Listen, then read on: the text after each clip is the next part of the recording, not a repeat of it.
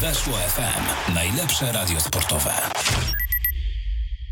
Dzień dobry, dzień dobry. Audycja TSW melduje się na antenie Radia Weszło FM. Kamil Kania, kłaniam się Państwu nisko i spieszę powitać moich gości, którymi są dzisiaj Piotr Jawor z Interi.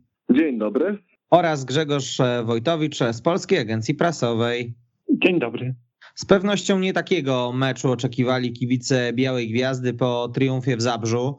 Na Rejmonta przyjechał Śląsk Wrocław i zdemolował zespół Adriana Guli. Mam wrażenie, że to 0 do 5 to wcale nie był najwyższy wymiar kary, o czym za moment sobie pewnie dłużej porozmawiamy. Grzesiu, ty przeczuwałeś ciężary w tym meczu, typowałeś 1 do 2, ale takiej wysokiej porażki to chyba nikt się nie spodziewał.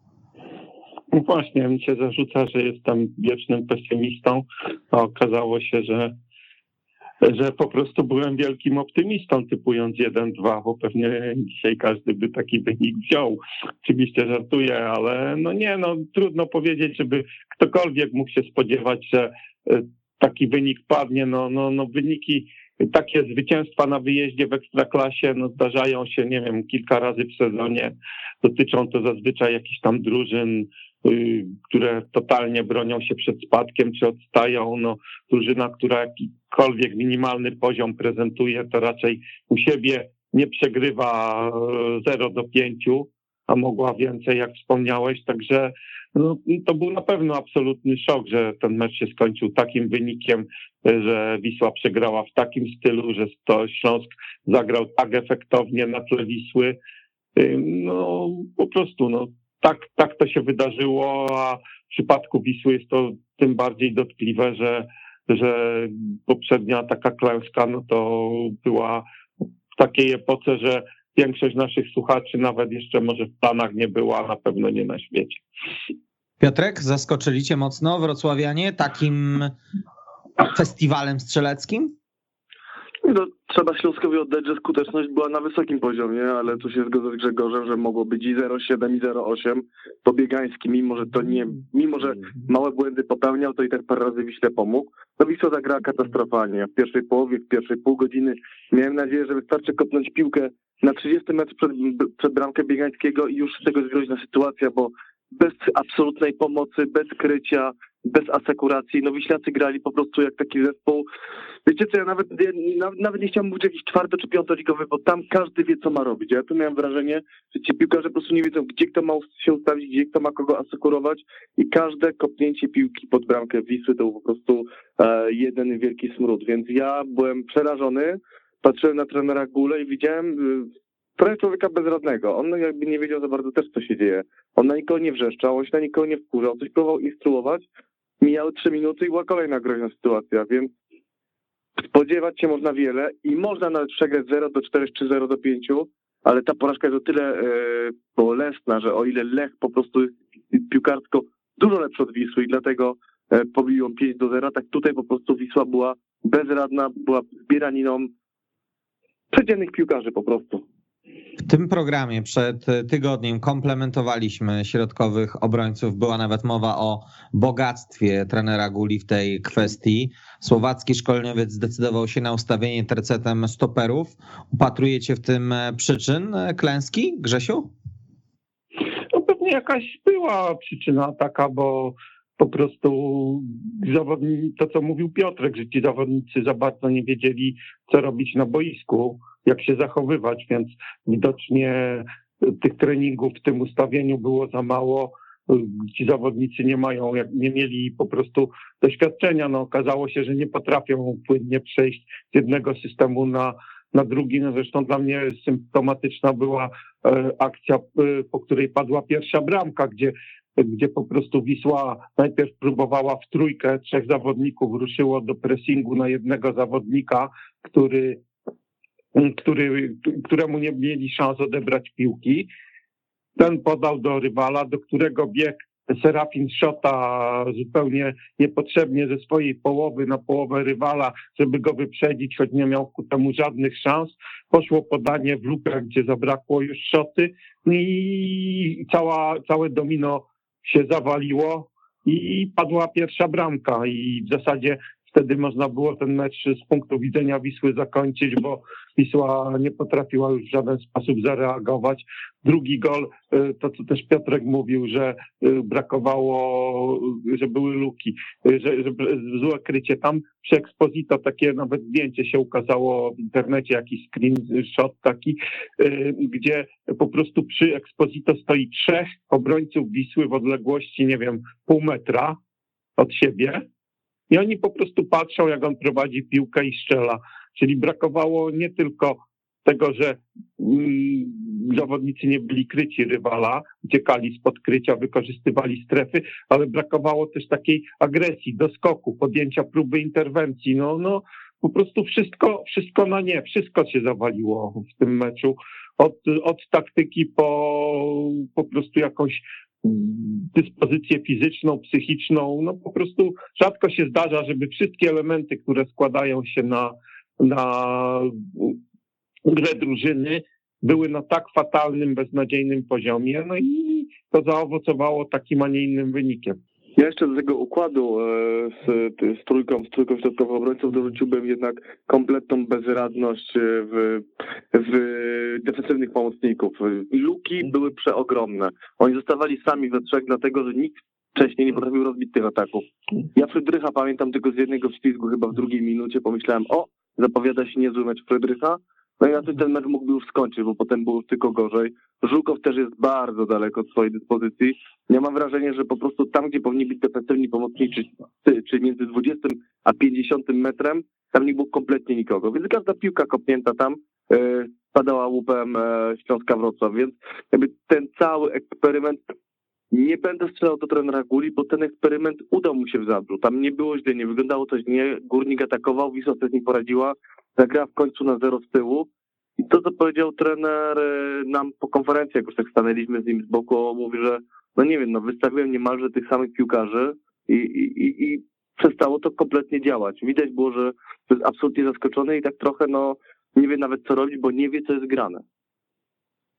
Tak, no jeszcze wracając do tego ustawienia, no Wisła grała w tym ustawieniu przez pół godziny, tam 30 parę minut. Yy, straciła w tym czasie trzy bramki, mogła stracić w tym czasie pewnie pięć. No ale potem ten system został zmieniony, wrócono do czwórki w obronie, yy, dokonano korekt w ustawieniu, a ta gra wcale lepiej nie wyglądała i i dlatego też nie zwalałbym też wszystkiego na ustawienie taktyczne. To po prostu był taki dzień, taki mecz, w którym, w którym nie wiem, nawet żeby ktokolwiek taktykę dla Wisły ustawił, nawet jakąkolwiek idealną, to, to i tak Wisła by ten mecz przegrała i to wysoko. No, tak, tak się pewnie czasem zdarza, chociaż no, zdarza się w przypadku Wisły raz na, nie wiem, tam 20-30 lat taki mecz u siebie. Sądzicie, że no, gdyby nie to. musiał zdarzyć. Mhm. Sądzicie, że y, gdyby Ashraf El Madiwi nie wypadł w ostatniej chwili, to mogłoby to wyglądać lepiej, Piotrek? No, może lepiej. Skończyłoby się 0-3 czy 0-4. Po prostu przy takiej dyspozycji 11 piłkarzy, u którego żaden nie zasłużył na notę 2, wszyscy powinni stać banie, to po prostu nie, nie, nie da się tam włożyć tam najlepszego piłkarza świata i dalej to nie będzie funkcjonowało. Ja rozumiem, że to jakieś osłabienie, że jest gość, który jest w stanie pokładać tą piłkę, który bardzo dużo biega, Szaf ma świetne statystyki biegowe, który wie kiedy przytrzymać, wie kiedy podać, jest bardzo dobry technicznie, ale ja mam wrażenie, że, że, że, że czego by nie wymyślił w takim meczu, to i tak nie byłby w stanie nic więcej e, wykombinować. No bo nawet, nawet strzelam, wejście Jebłacha, który no, może nie wszedł najgorzej, no ale to, to, to, to nic nie zmieniło. Te zmiany niewiele, niewiele, niewiele zmieniły.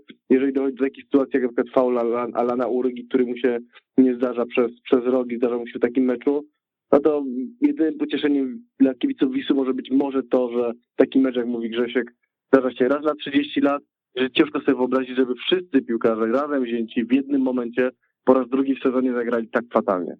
Tak, ja też uważam, że to by niewiele zmieniło, zwłaszcza, że my kompletnie nie mamy wiedzy, w jakiej dyspozycji jest Ashraf. On on miał to, że pauzował w Zabrzu za kartkę, to była jedna sprawa, ale on przede wszystkim miał kontuzję barku i tak naprawdę to on jakieś miał, miał przerwę e, dwa tygodnie w treningach, teraz też trenował indywidualnie, tak naprawdę to on chyba odbył dwa normalne treningi takie, że normalnie uczestniczył w gierkach na pełnych prawach, więc ja ja w ogóle się zastanawiałem, czy, czy był sens wstawiania go, bo on awizowany był do podstawowego składu, czy on w ogóle był gotowy do gry. Jak się okazało, jeszcze doszły jakieś tam dziwne problemy zdrowotne, więc, więc wypadł. Dlatego też jego obecność według mnie niczego by nie zmieniła.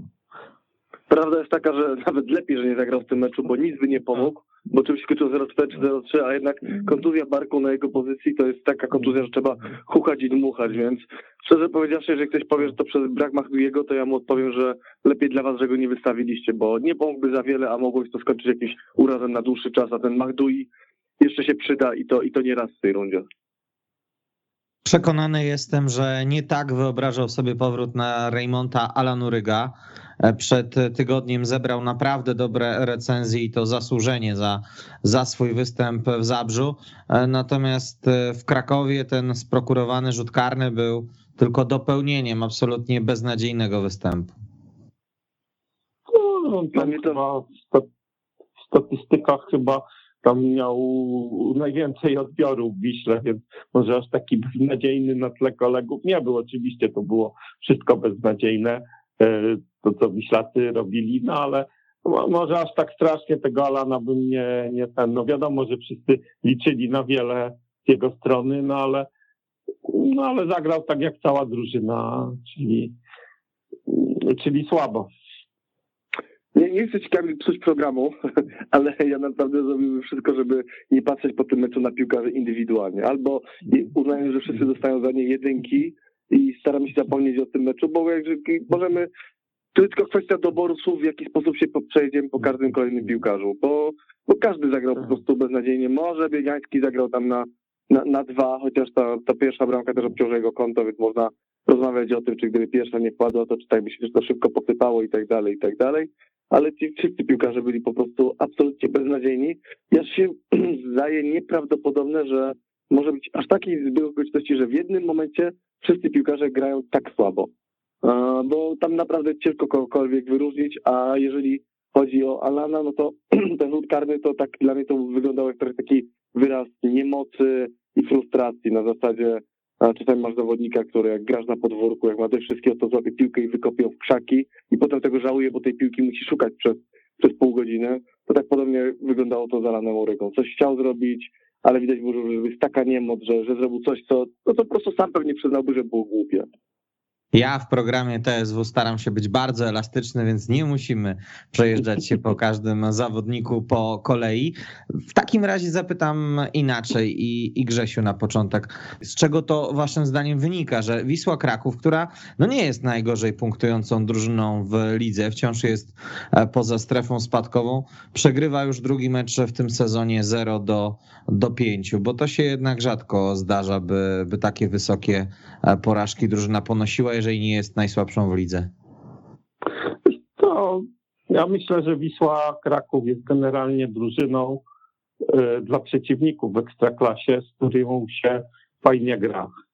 To znaczy Wisła nie okopuje się w swoim polu karnym na swojej połowie. Przeciwnik nie musi się z nią mordować w ataku pozycyjnym.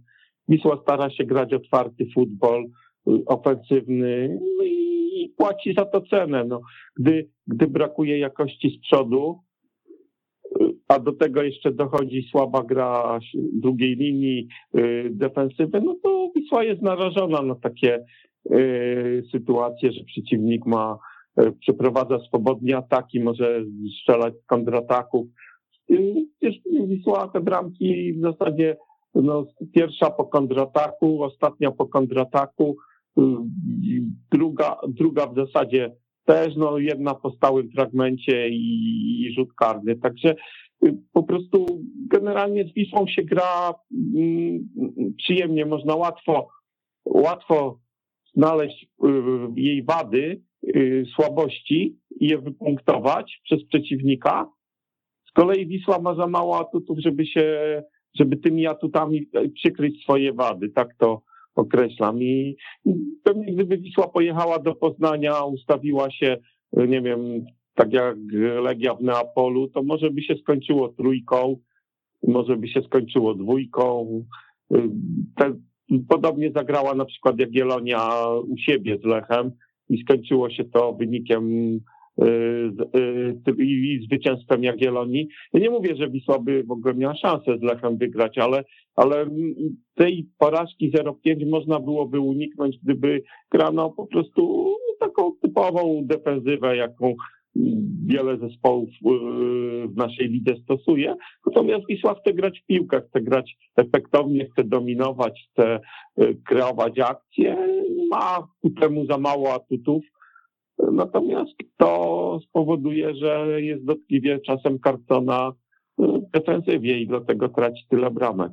Tak ogólnie. Oczywiście każdy jest inny i ma inną historię, no ale myślę, że, że to jest taka główna przyczyna tych, tych w miarę wysokich porażek. Też Wisła, Kraków, bramkę Górnikowi Zabrze, bramkę zwycięską strzeliła w momencie, kiedy trochę oddała inicjatywę temu Górnikowi, kiedy dała się mu wyszumieć, kiedy go wpuściła na swoją połowę. E, ja pamiętam, jak rozmawiałem z, między innymi z Patrykiem razem na temat Adriana Guli, on mówi, no będziecie mieli fajnie, bo, bo to jest taki piłkarz, który chce grać do przodu, na jeden kontakt, taka krakowska piłka, będzie efektownie. Rzeczywiście brzmiało to bardzo fajnie i trener Gula stara się tak grać, tylko po pierwsze, to rzadko kiedy jest granie na polską ligę, bo tutaj lepiej sobie radzą takie duże kontratorskie, które się u siebie, zagrają z. Tak gra cała polska piłka, tak przez lata grała nasza kadra e, i tak wkrótce też będzie nasza kadra grała, bo nie ma po prostu piłkarzy do tego, żeby prowadzić mecz. I tak też gra większość przeciętnych zespołów ekstraklasy, a takimi zespołami jest Wisła. I dlatego też się dziwię, że w momencie, kiedy Wisła ma ogromny kryzys w ofensywie, no bo nawet popatrzmy na liczby. Ford z Klimentem od dwóch miesięcy nie strzeli bramki. Piotr Starzyński w tym sezonie nie ma ani bramki, ani asysty. Jebołach ostatnie dobre mecze zagrał w sierpniu. To jest wszystko ofensywa, niemalże wszystko, na którą postawił trener, trener Gula w meczu ze Śląskiem Wrocław. No to jeżeli na dziś takimi piłkarzami chcesz prowadzić mecz, chcesz grać w ofensywie, no to, to, to jest małe prawdopodobieństwo, że to wypali. Ja miałem trochę takie nadzieje, że trener Gula trochę się uczy tej naszej ekstraklasy i może no, nie zmieni swojego podejścia, swojej filozofii do futbolu na zasadzie, dobra, to ja w starce będę tylko bronił i będę grał taki wyrachowany futbol, ale że będzie ta drużyna grała, będzie taka bardziej, yy, będzie w stanie zmieniać taktykę w trakcie meczu. A tymczasem wydaje mi się, że jednak trenera Gule i piłkarze poniosły trybuny Raymonta, bo myśleli, że oni tutaj u siebie ze Śląskiem, który patrząc na wyniki teraz z lekkim dołku, nie mają co czekać na Wrocławian, no i poszli do przodu i skończyło się tym, że jak poszli do przodu, zabrakło ich tyle, a jak już się ogarnęli o co chodzi, to było 0 do 3. E, więc niestety przy obecnej sile ofensywnej Wisły, jeszcze dużo do tego skwarkę, który ostatnio gra jak gra, e, obecnej sile ofensywnej Wisły, naprawdę Wisła powinna dbać o to, żeby nie tracić bramki, a nie robić wszystkiego za wszelką cenę, żeby jak najszybciej tą bramkę zdobyć. Ja bardzo szanuję Adriana Gule i jego filozofię futbolu, ale może skoro, jak Grzesiu mówi, nie ma potencjału w ofensywie, to przynajmniej do zimy warto byłoby spróbować e, czegoś innego, bo inaczej to Wisła e, narazi się na bardzo ciężką sytuację w tabeli. Grzesiu.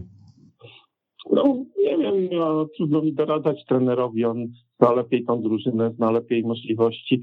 Jakaś próba w Zabrzu była, chociaż może to też wynikało z tego, że Górnik no, jest jednak mimo wszystko taką drużyną zbliżoną poziomem do Wisły. Śląsk tak trochę wyżej według mnie stoi.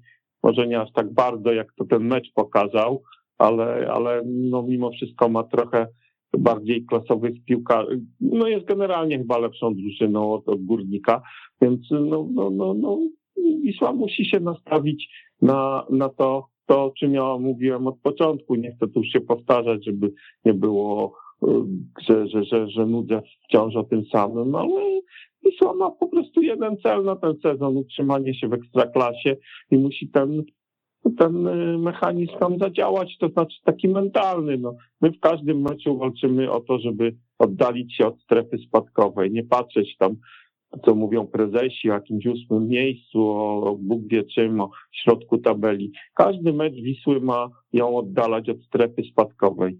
I z takim nastawieniem drużyna musi wychodzić i musi też tak przychodzić, wychodzić przygotowana taktycznie. No, no, to, to, to, jest rzeczywiście no, trochę przebudowana drużyna, nowy trener, on poznaje tych zawodników. Ja myślę, że, że ten mecz ze Śląskiem trochę trenerowi Guli otworzył oczy, bo on do tej pory y, takich nawet prywatnych rozmowach, czy mm, zawsze bronił zawodników.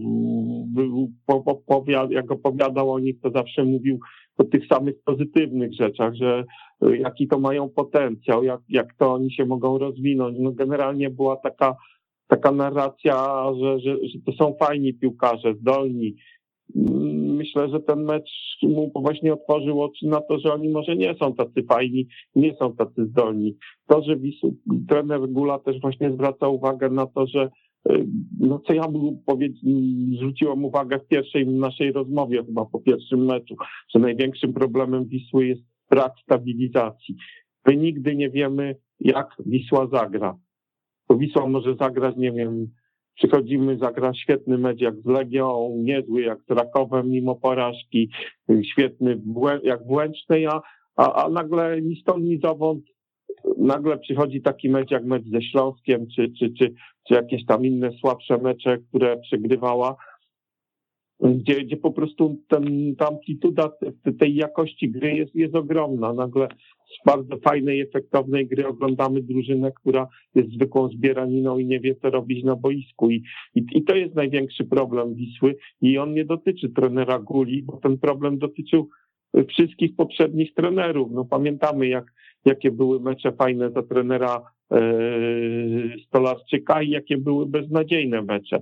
To samo dotyczyło trenera Skowronka, gdzie Wisła potrafiła zagrać super mecz i, i zagrać za chwilę beznadziejny. I to samo było u Chybali, gdzie, gdzie grała efektowne mecze, wygrywała, pamiętam, z Pogonią 2-1. Wszyscy się zachwycali, jaki to poziom wręcz bundesligowy, a za, w następnej kolejce pojechała do Bielska i zagrała przegrała 0-2 i wszyscy się łapali za głowę i nie poznawali tej drużyny. I, i, i Gula właśnie mm, na tych rozmowach już po, po, po konferencji prasowej z nami mówił, że coś, że, że, że to jest jednak problem chyba dotyczy też zawodników, że oni nie potrafią zachować takiej koncentracji, żeby jeśli cokolwiek się chce w lidze zrobić, więcej niż walczyć o utrzymanie, to niezbędne są jakieś takie serie, nawet takie jak ma Krakowia, gdzie ma 8 meczów bez porażki. To prawda, remisuje tam więcej jest chyba remisów niż zwycięstw, ale miała Krakowia fatalny start, ale spięła pośladki, złapała serię, ma teraz trochę oddechu. W przypadku Wisły nie ma tego, jest cały czas huśtawka. Fajny mecz, dół. Lepszy mecz, dół. Lepszy mecz, dół. I to tak, tak wygląda mniej więcej. No to ja jedyne, co do, do, dodał, co Grzegorz mówi, to że jakby to było, że fajny mecz i dół, to by było jeszcze pół biedy, ale to jest tak, że jest fajny mecz, No, dół, dół, dół, Tak. fajny mecz. tak. Na tej zasadzie, że, że, te, że, że, że, Tak, te tak. wyskoki są bardzo rzadkie, a, a te przerwy są długie. Jedyne to, to ja myślę, że może bym jeszcze nie stawiał krzyżyka, znaczy myślę, że się rozumiemy z Grzegiem mniej więcej, że nie stawiałbym jeszcze krzyżyka na tych piłkarzach, ale na tym etapie, na jakim oni teraz są, nie można myśleć o tym, że to oni będą prowadzili grę w meczach ekstraklasy. Bo w tym momencie ja, ja, ja, ja nie wątpię, że, że, że e, może dobrze grać w piłkę, że to samo z Hanuszkiem, że wiemy też, że Ford potrafi być dobrym napastnikiem, silnym i skutecznym, jednak na tym etapie, jakim są w tym momencie, są po prostu bardzo słabi.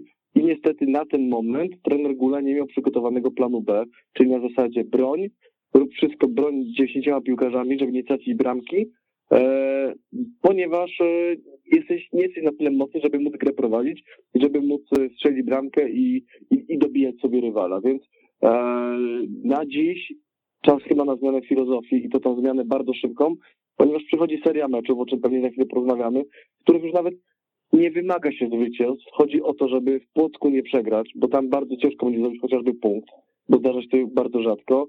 Chodzi o to, żeby nie przegrać derbów, patrząc na dzisiaj jak gra Krakowa, jak gra Wisła, no i spróbować awansować w Pucharze Polski. To jest plan na, na te trzy najbliższe mecze. Tutaj nikt e, chyba nie wymaga tego, żeby robić sześć punktów i awans w Pucharze Polski po wygranej w tych jak 4 do 0.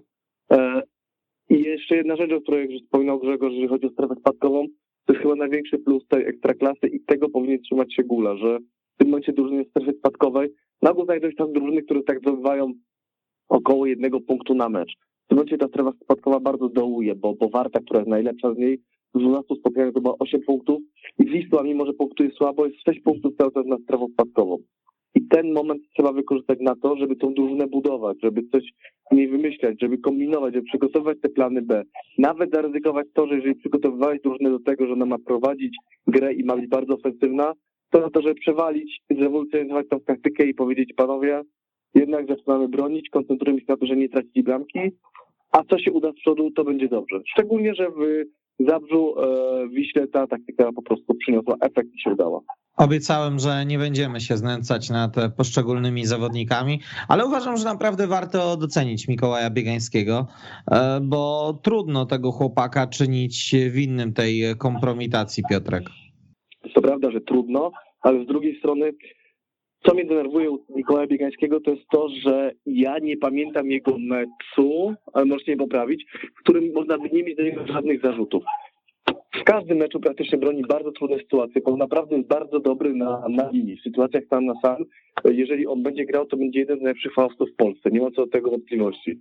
Ale co spotkania, e, on po prostu robi jakiś błąd. Tu popełnił błąd przy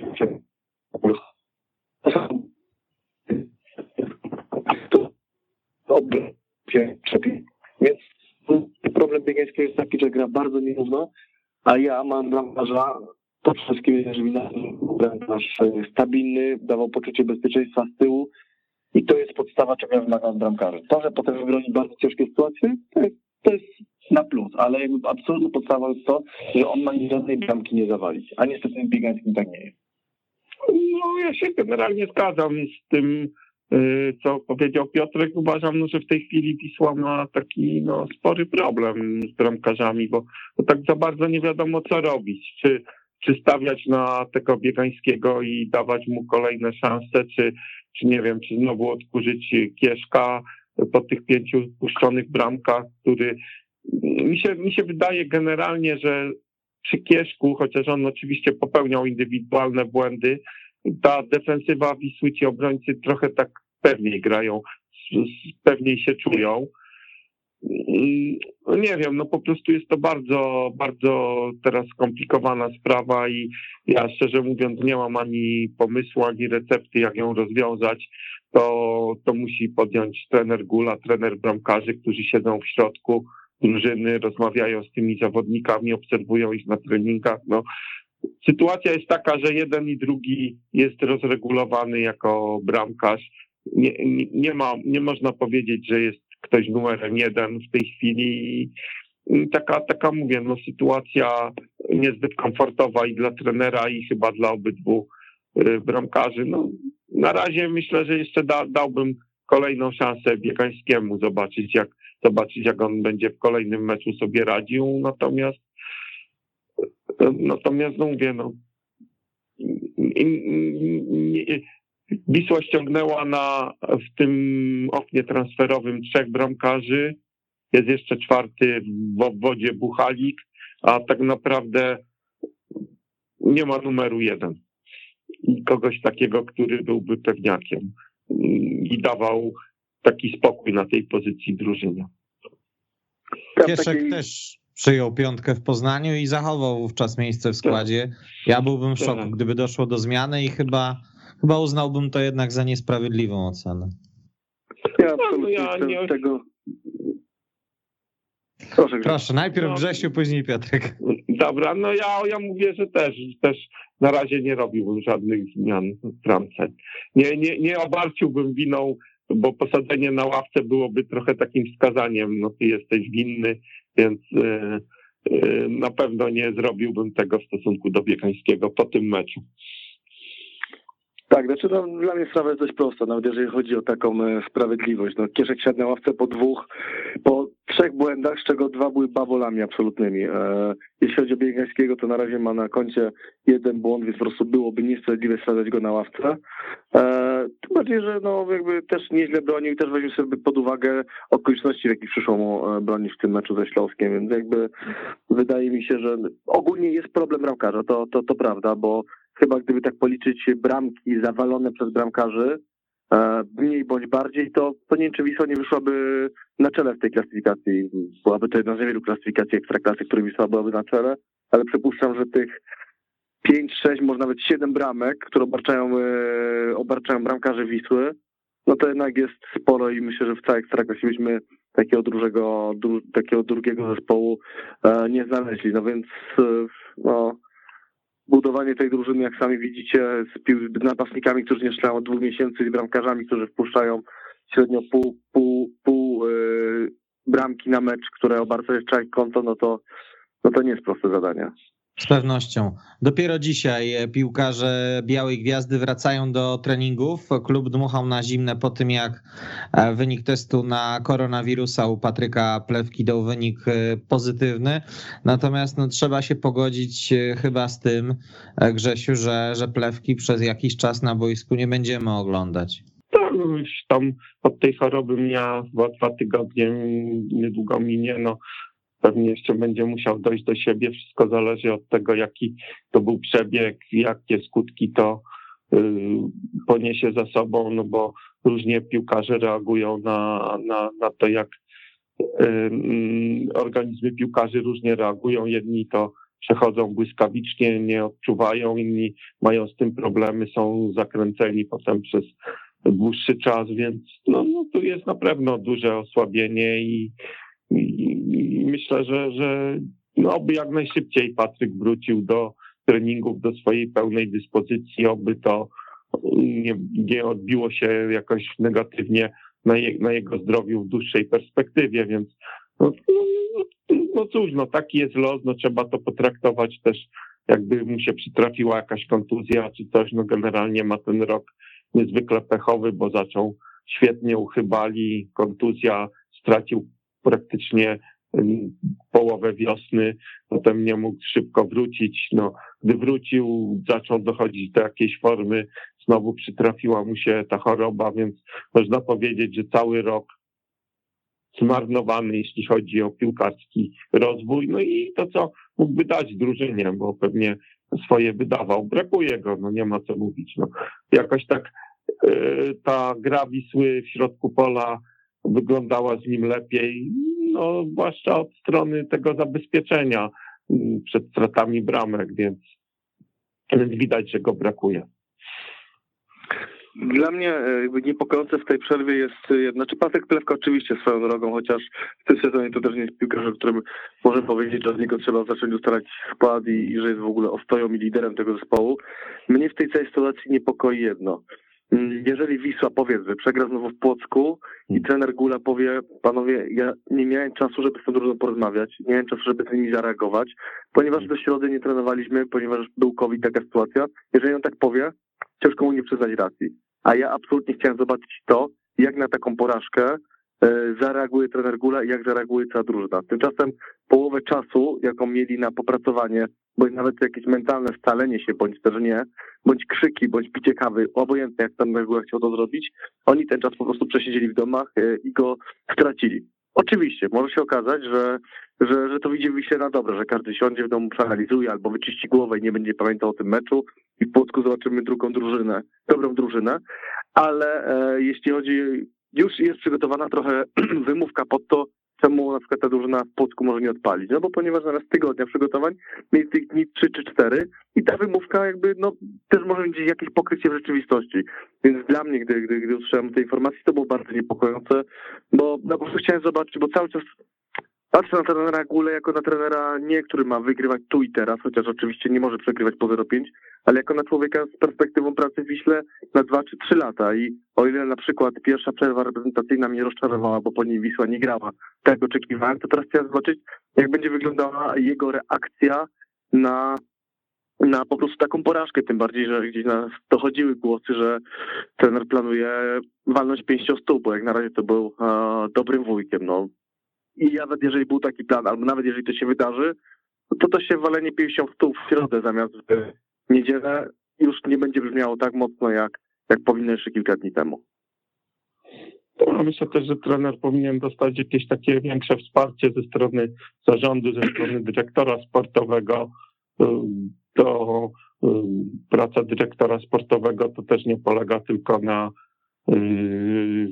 oglądaniu potencjalnych wzmocnień, przeglądania, przeglądania programów scoutingowych i dyskutowania o tym, kogo można kupić, a kogo nie można kupić, tylko też no, no, trzeba być przy tej drużynie w szatni, na treningach. Nie mówię, żeby wyręczać oczywiście w czymkolwiek trenera, bo bo to jest jego rola, no ale, ale też, też, nie wiem, spostrzeżenia, jakieś swoje, coś, coś doradzić. No ja szczerze mówiąc po spotkaniu między innymi z dyrektorem sportowym i zarządem, to jeszcze było przed meczem z Górnikiem Zabrze, w czasie przerwy, to byłem szczerze mówiąc trochę zaskoczony takim jakimś takim niczym nieuzasadnionym optymizmem płynącym ze strony zarządu i dyrektora sportowego odnośnie drużyny, odnośnie jakości piłkarzy. No tak, tak ja, ja im mówiłem swoje, oni się ze mnie śmiali. Yy, ja, ja natomiast z przerażeniem takim lekkim słuchałem to, co oni mówią o, o tym, jaką to mają wspaniałą drużynę, że im pół ligi napastników zazdrości i tak dalej. No po prostu boisko pokazało chyba, że no, te okulary, które różowe, które mają założone, to trzeba jak najszybciej zdjąć i, i zastanowić się, czy oni rzeczywiście, czy ta drużyna ma jakieś możliwości, żeby robić postęp. Ja tak, y, jeśli chodzi o Wisłę, o trenera Gule, jest bardzo często przytaczany taki przykład y, trenera Runiaicza z Pogoni, że on dostał czas, wyprowadził tą drużynę na wysoki poziom. Oczywiście jak najbardziej jest to pozytywny przykład, oby jak więcej w naszej lidze takich klubów, które tak potrafią systematycznie iść w górę krok po kroku, sezon po sezonie. Tylko ja jeszcze tak sobie przy okazji niedawno sprawdziłem skład y, Pogoni Szczecin z pierwszego meczu Y, pod patutą Kostyruniajcia, który notabene był w Krakowie i który Wisła wygrała 1 do 0. I z tego składu pozostał w tej chwili w pogoni jeden piłkarz, Kamil Drygas.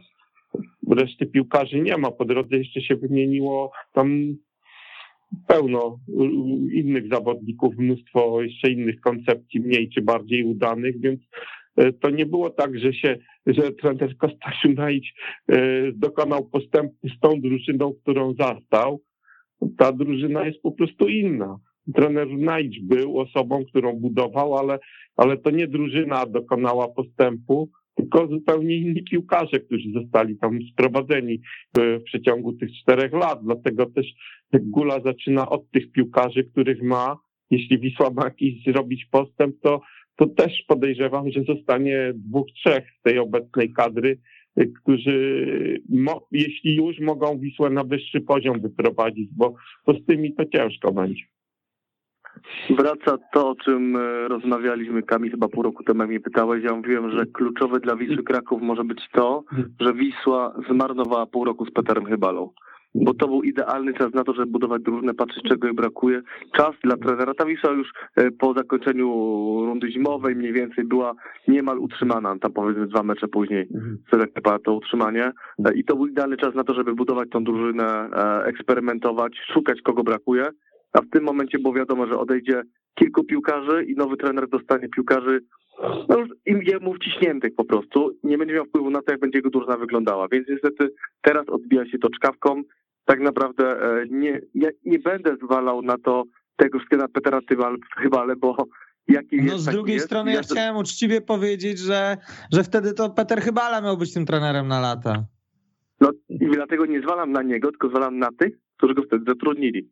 Bo jednak okazuje się, że jednak Peter Chybala to, to nie był jakiś bardzo zakamuflowany agent, e, z, o którym nikt nic nie wiedział, tylko rzeczy, które do nas dochodziły wtedy, czyli że to jest człowiek toksyczny, miały prawo bytu. I okej, okay, ktoś mi powie, że chyba na krótką metę się przydał. Jasne, przydał się, bo rzeczywiście szczególnie tą zimę, te trzy mecze tam podciągnął, trudne mecze, e, ale jednak e, dalsze jego wtedy trzymanie zakończyło się tym, że po prostu czas, który powinien mieć trener na lata, został zmarnowany na kłótnię z Peterem Chybalą. No myślę, że tu nawet jeszcze głębiej można trochę się sięgnąć, bo Myślę, że ten cały sezon poprzedni został zmarnowany. To był taki sezon naprawdę relaksacyjny dla, y, spadała jedna drużyna. Y, naprawdę można sobie było pozwolić na eksperymenty, zwłaszcza, że grano bez kibiców na trybunach, nie było tej jakby dodatkowej presji ze strony trybun wielkiej. To był taki sezon, gdzie naprawdę już latem można było coś pomyśleć i, i, i, i coś, coś zacząć tworzyć. Natomiast w tamtym sezonie nie stworzono niczego. ten, jak sobie przypomnimy te wszystkie transfery ze stycznia tych zawodników, których nazwisk już nie pamiętamy, których wtedy na, ściągano, na wypożyczano, no to, to, to, był, to był jeden wielki chaos i, i, i zmarnowane nawet, mówię, nie, nie pół roku z Chybalą, ale cały sezon poprzedni. A Peter Chybala w Turkogutsu, e, Monachium, pięć spotkań, dwa zwycięstwa, trzy porażki, tak e, w ramach e, ciekawostki i, i przerywnika naszego dzisiejszego spotkania. Bardzo trudne spotkania teraz przed Wiślakami. W niedzielę arcyważny mecz z Wisłą Płock, później pucharowe spotkanie z GKS-em Tychy, a następnie derby Krakowa. Z jednej strony mm, Piotrek ciężki czas, ale z drugiej dobre rezultaty w tych meczach, awans w pucharze, no pozwolą chyba na zamazanie w pamięci kibiców tego 0 do 5. Znaczy moim zdaniem Wisła tutaj, jeżeli ma być w miarę okej, okay, w miarę dobrze, to Wisła żadnego z tych meczów nie może przegrać. E, Płocku będzie jej bardzo trudno. Wisła Płock na pięć meczów u siebie wygrała cztery i nie poległ tam tylko Raków Częstochowa, e, który, który zremisował, więc to już pokazują chociażby statystyki, jakie to będzie trudne spotkanie, więc ja od Wisły, która jest w tym momencie w takiej rozsypce, jakiej jest, naprawdę nie wymagam zwycięstwa. No może wymagam to złe słowo, ale nie, nie spodziewam się po niej zwycięstwa, więc remis to jest e, wynik, który wziąłbym w ciemno. Później przychodzą Tychy. Ja naprawdę wiążę duże nadzieje z Pucharem Polski, jeśli chodzi o Wisłę Kraków. To w ogóle zawsze wiązałem o krakowskie drużyny, które są na takim etapie, że dużo łatwiej im przez Puchar Polski się dostać do, do zrobić cokolwiek albo dać zapewnić jakieś emocje, bo nie mówię nawet o zdobyć pucharu, tylko o zapewnienie emocji niż niż w lidze, chociaż e, jakby ja tak, co, jeśli chodzi o Wisłę, to co roku się łudzę, że to jest dobra szansa i co roku wiem, jak to się kończy, ale myślę, że, że, że odpalicie z pucharu też byłoby dużym problemem. No i na koniec derby, no to nie muszę nic mówić. Nie chcę jakiegoś czarnego scenariusza. Nie padło to tutaj, co dalej z, PT, co dalej z, trenerem Gulą, ale wiecie, no ja sobie przypominam niejedną sytuację, kiedy dla e, uśnieżenia gniewu trybun poświęcano trenera, który kończył pracę. Myślę, że w tej sytuacji tak nie będzie, bo to jednak jest długofalowy projekt i, i, i, a, i i nawet w wyrazie Hasło długofalowy projekt w polskich warunkach poza Rakowem Częstochowa kojarzy mi się fatalnie i, i niewiele ma wspólnego z długofalowością. To ma tyle samo wspólnego, co to, że jest szansa, że Wisła będzie dobrze grała w Pucharze Polski co roku. To jest więcej to samo, co długofalowy, co długofalowy projekt. Ale no, myślę, że to jednak trener nie zostałby wyrzucony po trzech meczach, ale, ale jednak udzielenie wsparcia takiemu szkoleniowcowi, który przegrał derby, to co mówił Grzegorz na zasadzie, niech ktoś wyjdzie może i powie, że trener ma całkowite wsparcie. Udzielenie wsparcia po przegranych trzech spotkaniach w tym derbach e, byłoby dużo trudniejsze na przykład niż w tym momencie, więc dla mnie e, plan dla Wisły najbliższy, który by mnie absolutnie satysfakcjonował jako, e, jako kibica Wisły, no to byłoby po prostu nie przegranie żadnego trzech meczów, a nie przegranie w Tychach miałoby się wiązać z wygraniem konkursu rzutów karnych. No ja też jak słyszę słowo tak trochę długofalowy projekt, to no mam bardzo mieszane uczucia, bo myślę, że tak 95% klubów na całym świecie to ma długofalowe projekty, a sukcesy i trofea zdobywa pozostałe 5%, a resztę to są te wszystkie właśnie długofalowe projekty, które nie przynoszą pożądanych efektów.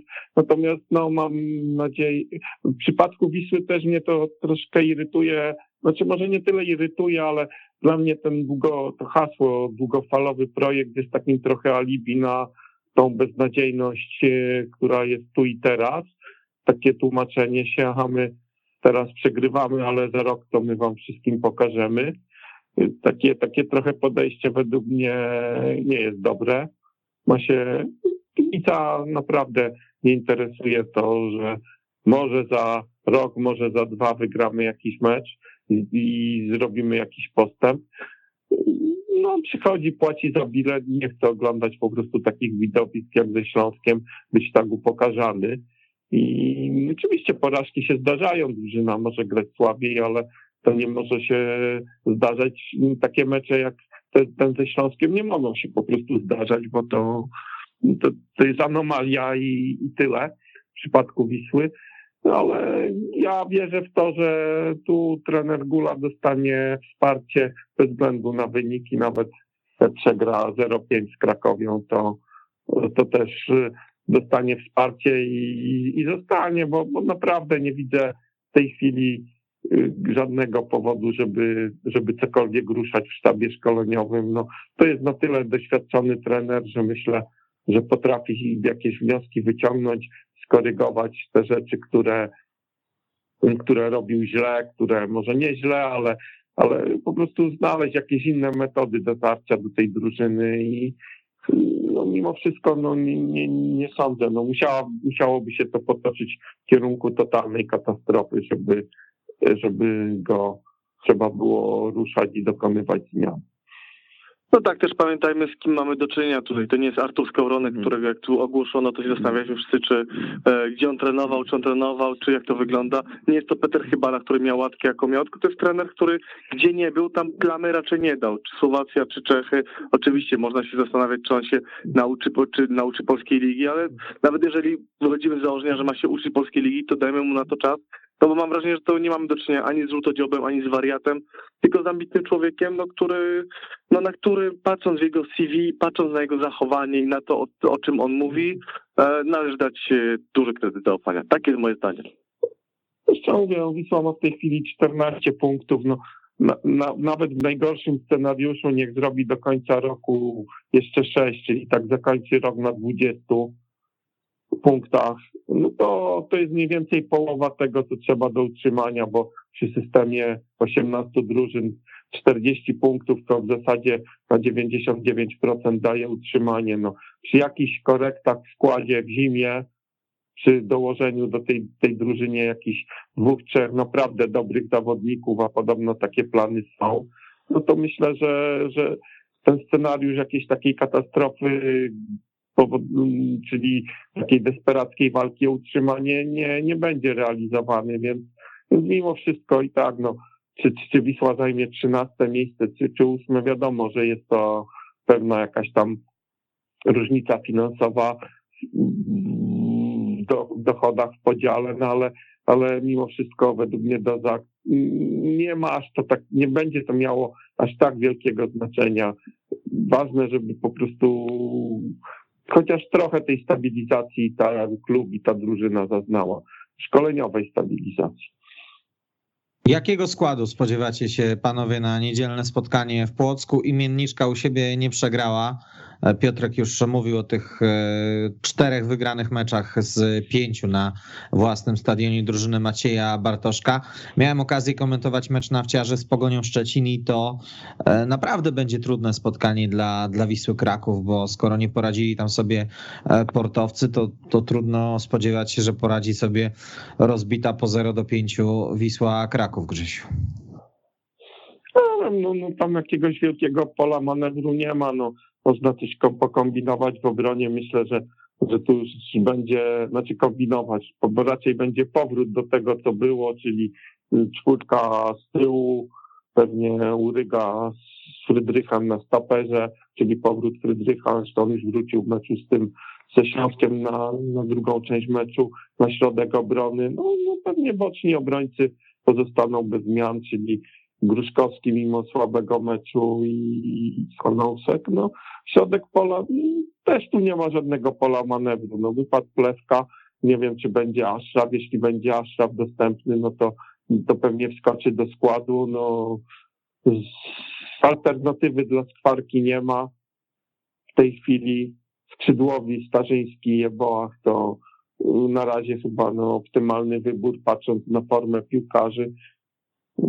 No i w ataku też no, jest największy problem, bo nie wiadomo co z Klimentem, który był chory, może już doszedł do siebie. Force też grał z kontuzją, w zasadzie pewnie gdyby Kliment był zdrowy, to Force by nie wyszedł na mecz, yy, na mecz ze Śląskiem, więc, więc tutaj będzie raczej decydowało, a nie forma, nie kto jest lepszy, kto bardziej pasuje do taktyki, tylko no, stan zdrowia kto, kto, kto się będzie lepiej czuł i bardziej y, był, był po prostu zdrowszy, to ten, ten, ten z napastników wyjdzie. No, nic, nic wielkiego tutaj trener y, Gula nie wymyśli. Nie sądzę, żeby nagle, nie wiem, wyciągnął jakiegoś chłopaka z juniorów y, albo z głębokiej rezerwy typu, nie wiem, Hubert Sobol, czy, czy, czy, czy ktoś tam, czy, czy Wachowiak i nagle wstawił go do składu. Także no, będziemy się obracać wokół tych nazwisk, które są, które grają i tyle.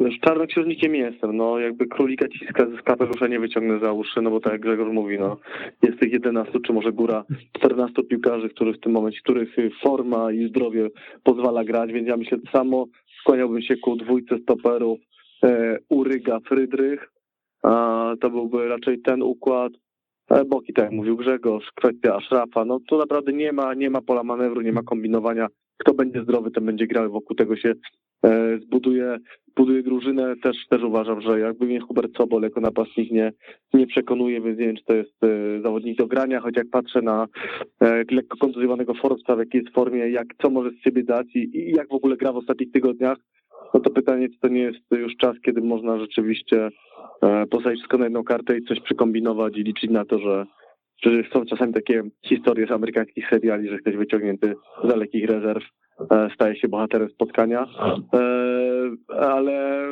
nie wiem, uważam, że, że, że, że to jest wszystko kwestia, kwestia zdrowia, a kluczowej tak będzie to, w jaki sposób zblokować z tyłu Wisła Płock.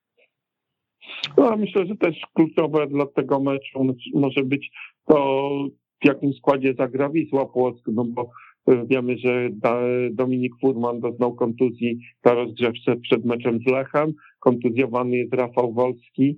Jeśli, nie wiem, ci dwaj zawodnicy wciąż nie będą do dyspozycji trenera, to jednak ta siła jakby taka ofensywna, ten atut y, Wisły Płock w postaci świetnie wykonywanych stałych fragmentów gry, takich jakichś niebanalnych podań polskiego rozwiązań w ofensywie też zostanie trochę ograniczony i, i, i właśnie no Wisła ma, Kraków ma swoje kłopoty, swoje kłopoty kadrowe też może mieć Wisła Płock i tu, tu właśnie te szanse tak się troszeczkę mogą wtedy wyrównać gdy, gdyby tak było. Swoją drogą Alan Uryga gra ostatnio same szczególne mecze. Najpierw pierwszy mecz po powrocie do Wisły Kraków, później pierwszy mecz w Wiśle Kraków po powrocie przy Rejmonta. Teraz mecz z byłym klubem, gdzie zbudował sobie markę solidnego stopera. Odpuszczę wam dzisiaj, panowie, typowanie rezultatu tego e, niedzielnego meczu.